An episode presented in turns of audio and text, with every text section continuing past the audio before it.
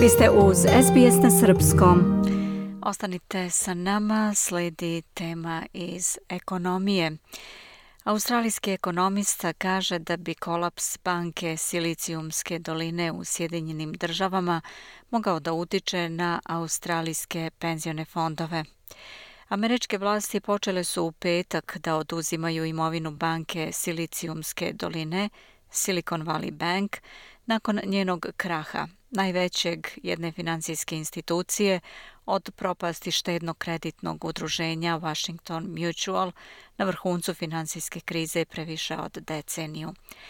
Banka, 16. po veličini u Americi sa 209 milijardi dolara vrednosti, doživjela je krah nakon što su njeni klijenti većinom zaposleni u tehnološkim kompanijama povukli novac prošle nedelje zbog strahovanja u pogledu financijskog stanja u toj instituciji. Tačan razlog kolapsa je nejasan, ali je verovatno povećanje kamatnih stopa Centralne banke Sjedinjenih država koje je dovelo do naprezanja financija u start-up prostoru bio značajan faktor.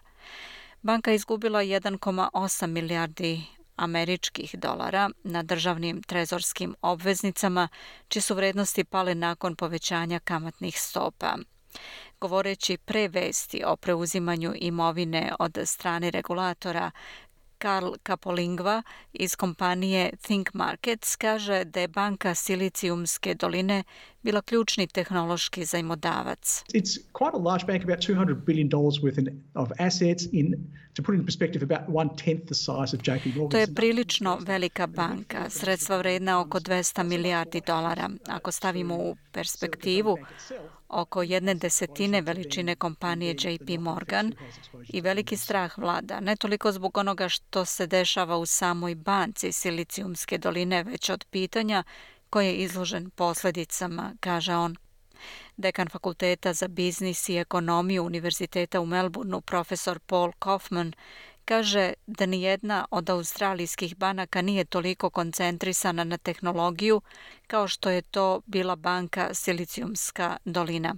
On je rekao da je tehnološki sektor prvenstveno pogođen kolapsom, ali će to imati određene posljedice za finansijske poslove pojedinaca. There is definitely a spillover effect into the economy, the global economy at large, in the sense that we are all invested in the tech sector.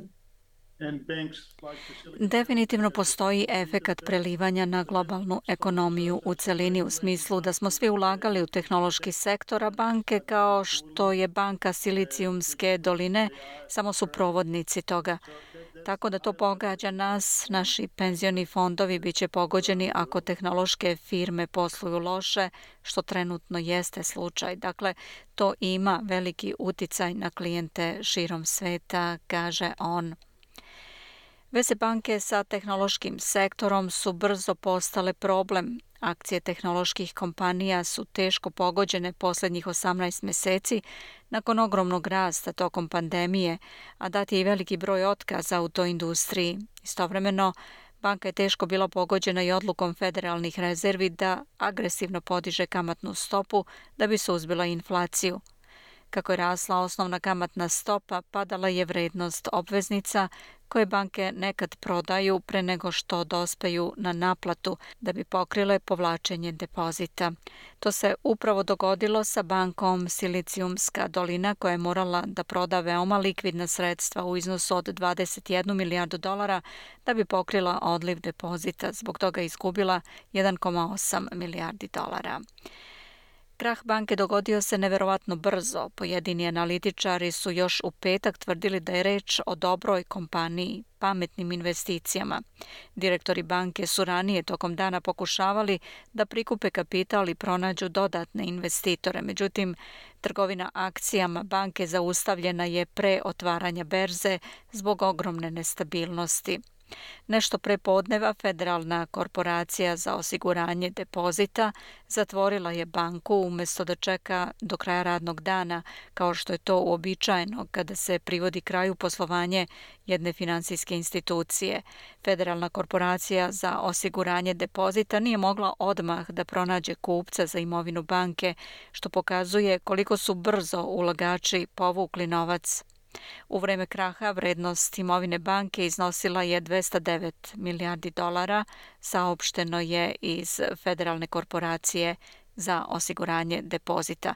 Nije poznato koliko je depozita bilo iznad limita kojeg pokriva osiguranje od 250.000 dolara.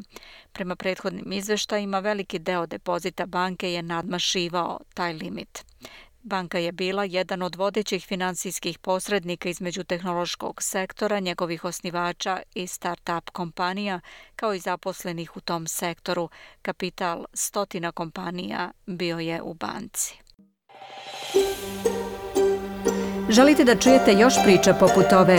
Slušajte nas na Apple Podcast, Google Podcast, Spotify ili odakle god slušate podcast.